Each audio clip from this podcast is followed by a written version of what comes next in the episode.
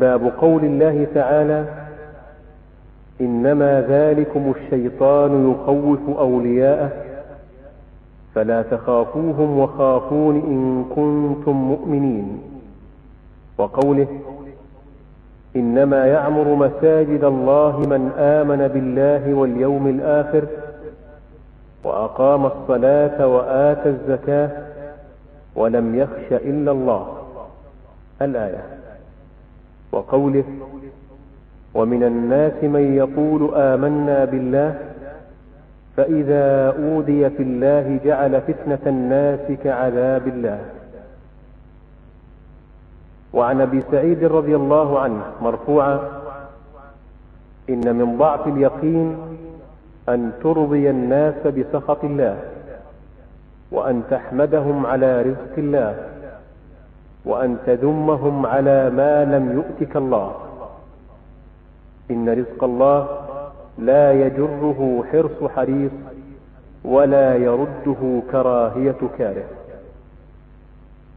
وعن عائشة رضي الله عنها أن رسول الله صلى الله عليه وسلم قال من التمس رضا الله بسخط الناس رضي الله عنه وأرضى عنه الناس. ومن التمس رضا الناس بسخط الله سخط الله عليه وأسخط عليه الناس. رواه ابن حبان في صحيحه.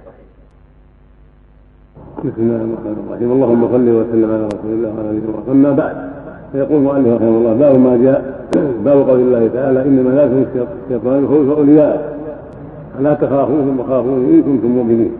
اراد المؤلف بهذا بهذا بهذه الترجمه بيان وجوب خوف الله سبحانه وتعالى وأن الواجب على العبد أن يخاف ربه خوفا يحمله على اخلاص العبادة له سبحانه ويحمله على أداء ما فرض عليه ويحمله على كف عما حرم الله عليه ويحمله على الوقوف عند حدوده سبحانه وتعالى. هذه الفائدة من الخوف أن يكون خوفا حقيقيا يحمله على أداء الفرائض وترك المحارم والوقوف عند حدود الله والإخلاص له في العمل. والخوف أقسام ثلاث احده أحدها الخوف من الله عز وجل وهو أوجبها وأعظمها. يجب إخلاصه لله وحده سبحانه وتعالى. هذا صرف لغير الله شرك من خاف غير الله. من الاصنام والأوثان والأشجار أو الاحجار يعتقد فيها أنها تصرف وأنه يخاف شرها. هذا من الشرك الأكبر. كخوف عباد القبور وعباد الاصنام منها وعباد الكواكب. هذا يقال له خوف الشرك هذا يجب إخلاصه لله ولا ويجب الحذر من صرفه لغير الله سبحانه وتعالى. القسم الثاني خوف يحمل على فعل معصية أو ترك واجب من المخلوقين. خوف المخلوقين على هذا الوجه. هذا لا يجوز وفيه نزل قوله تعالى فلا تخافوهم وخافون إن كنتم مؤمنين. كن يحمله الخوف على عدم الجهاد على عدم أداء الواجب إلى غير ذلك. بل يجب عليه أن يخاف الله عز وجل وأن يراقب الله. وإذا خاف المخلوق فليكن خوفه من المخلوق في الحدود الشرعيه خوفا يحمله على ما شرع الله وعلى ما أباح الله فقط ولا يحمله على المعاصي.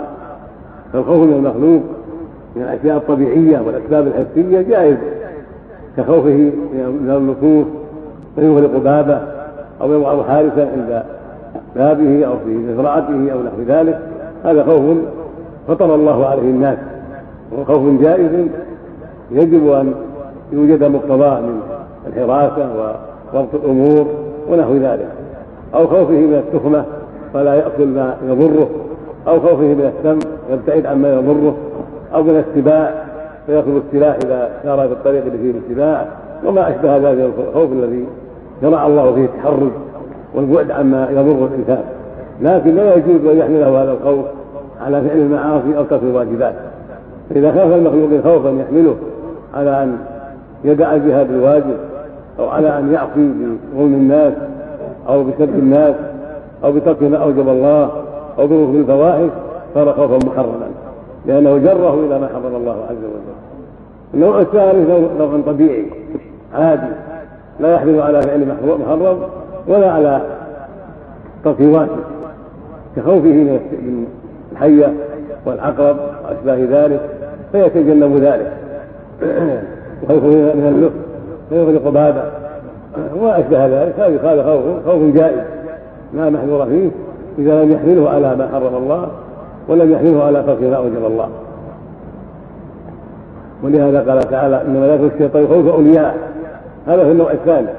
وهو ما وقع يوم أحد من بث الشيطان التخويف من الكفار والتشويق عن الجهاد. فنهاهم الله عن ذلك وقال فلا تخافوهم وخافوني إن كنتم مؤمنين. وأمرهم بجهاد أعداء الله. فنفر إليهم النبي صلى الله عليه وسلم من من الصحابة بعدما بعد وقعة أحد. فشرع المشركون إلى بلادهم ورجع النبي صلى الله عليه وسلم يوم حوراء الاسد ولم يكن كيف لأن المشركين قد انتمروا وذهبوا إلى بلادهم بعد الوقعة. وهذا ليس خاصا بهذه الوقعة بل عام. كل خوف يحمل على فعل المعصية. أو ترك الواجب فهو مذموم منهي عنه وهكذا قوله جل وعلا إنما يعظم مساجد الله من امن بالله واليوم الآخر وأقام الصلاة وآتى الزكاة ولم يخشى إلا الله. يعني أخرجه بالخوف وهذا خوف السر. الذي أوجبه الله. وهكذا الخوف الذي يحمل على المعاصي أو ترك الواجبات أمر يجب تركه فيجب على المؤمن أن يخشى الله وحده خشية عظيمة كاملة يخص الله بها الله بها سبحانه وتعالى كما يحمله أيضا خوف الله على فعل ما أوجب الله وترك ما حرم الله. وكما يوجب عليه ذلك تقواه سبحانه والمسارعه إلى ما أوجب وترك ما حرم فإن هذا كله مما أوجب الله عليه وهذا خوف مشروع له ومأمور به. إنما المنهي عنه أن تخاف من المخلوق خوفا يحملك على فعل ما حرم الله عليك وترك ما اوجب الله عليك. ولهذا قال لم يخشى إلا الله في أموره كلها بل افرده بالخوف خصه بالخوف الذي أوجبه عليه سبحانه وتعالى. وليس داخلا في ذلك الخوف الطبيعي كما عرفت بل هو مستثنى من ذلك إلا إذا حمل على فعل محرم أو ترك واجب. وهكذا قوله جل وعلا ومن الناس ومن الناس يقول آمنا بالله فاذا اوذي في الله جعل في نفسه عذاب الله. هذا ذنب له. بعض الناس إذا أوذي لم يصبر ولم يتحمل بل يحمله ذلك على فعل ما حرم الله وترك ما أوجب الله. هذا مذموم. فيجب عليه أن يتقي الله وأن يراقب الله. واذا اوذي في الناس أخذ الأمور من وجه الشرعي بالمحاكمة بالقصاص بالشكوى إلى ولاة الأمور. أما أن يحمله ذلك على قلب ما أوجب الله عليه وفعل ما حرم الله عليه فهذا غير جائز له بل يجب عليه الحذر من ذلك وان يدفع الأذى بالطرق الشرعية. على الناس يدفع بالطرق الشرعية من المحاكمة من القصاص من الرفع إلى ولاة الأمور إلى غير هذا من الطرق الجائزة التي يجوز له فعلها ليدفع الأذى. وفي حديث أبي سعيد يقول صلى الله عليه وسلم إن من ضعف اليقين من ضعف الإيمان اليقين هو الإيمان كله. إن من ضعف اليقين أن ترضي الناس بسخط الله. وان تحمدهم على رزق الله وان تذمهم على ما لم يتق الله. هذا من ضعف الايمان إرضاء الناس بسخط الله في المعاصي هذا من ضعف الايمان كذلك حمدهم على رزق الله الذي ساقه الله اليك احمد الله واشكره سبحانه وتعالى. فاذا فعلوا لك معروفا هم يشكرون على معروفهم ويجازون. لكن الحمد كله لله وحده والذي هداهم والذي جعلهم يحسنون إليه والذي جعلهم يبذلون المعروف. فتشكر الله اولا وتحمده سبحانه وتعالى وتخصه بذلك وتشكر المخلوقين على قدر إحسانهم. من لا يشكر الناس لا يشكر الله. فيشكرون على قدر إحسانهم ويثنى عليهم ويكافئون. لكن يكون في قلبك حمد الله أعظم وشكر الله أعظم لأنه المسبب هو الذي هداهم هو الذي حرك قلوبهم حتى ساقوا إليك هذا الخير من كفاءة دفع ظلامتك من إحسان إليك. من قضاء دينك من مواساة لك تشكرهم على ذلك وتدعو لهم لكن الشكر الحقيقي الذي يجب أن يستقر في القلب يكون لله وحده لأنه هو الذي ساق إليك هذا الخير. كذلك ذمهم على ما لم يتق الله. ما ما أعطاني فلان ما فعل فلان ما أحسن لي فلان ما واتاني فلان لا. اسال الله عز وجل. إن كان لك حق عندهم فلن يضيعه الله لك. سوف يجزيك عنه يوم القيامة إذا جحدوه ولكن هذا لا يمنع من طلب الحق الذي عليه تطلب دينك تطلب حقك من الزكاة إذا كنت من أهل الزكاة لا مانع من ذلك. لكن لا تذمهم على ذلك من أجل أنهم لم يعطوك. لا تذم من ذمه الله وتحمد من حمده الله. تذمهم لأنهم عصوا الله ورسوله بترك الزكاة بترك الواجب بترك تسليم دينك. تذمهم على ما حرم على ما حرم الله عليهم. لكن لا من أجل نفسك بل من أجل أنهم فعلوا ما لا ينبغي. فلا فلست من ينتقم لنفسك ولكنك تذم من ذمه الله وتثني على من أثنى الله عليه ثم قال عز وجل إن رزق الله لا يجره حرص حريص ولا يرده كراهه كافر لأن الرزق الذي يقدر لك لا يجره حرص إنما عليك الأسباب. كما قال النبي صلى الله عليه وسلم احرص على ما واستعن بالله. عليك أن تعمل الأسباب ولكن لا تجزع. إذا لم يحصل المطلوب هذا من أمر الله سبحانه وتعالى. وقدر الله ما شاء فعل. وكذلك تعلم انه لا يرده كراهه الكافر ما قدره الله لك من الأرزاق سوف ياتيك ولو كره زيد وأمر. ولو كره الناس. فعليك أن تؤمن بهذا وأن تأخذ بالأسباب وأن تعلم أن رزق الله الذي كتبه لك سوف يأتي وأن ما لم يكتب لك سوف لا يأتي وإن اجتمع الناس على أن يأتوا لا يستطيعون.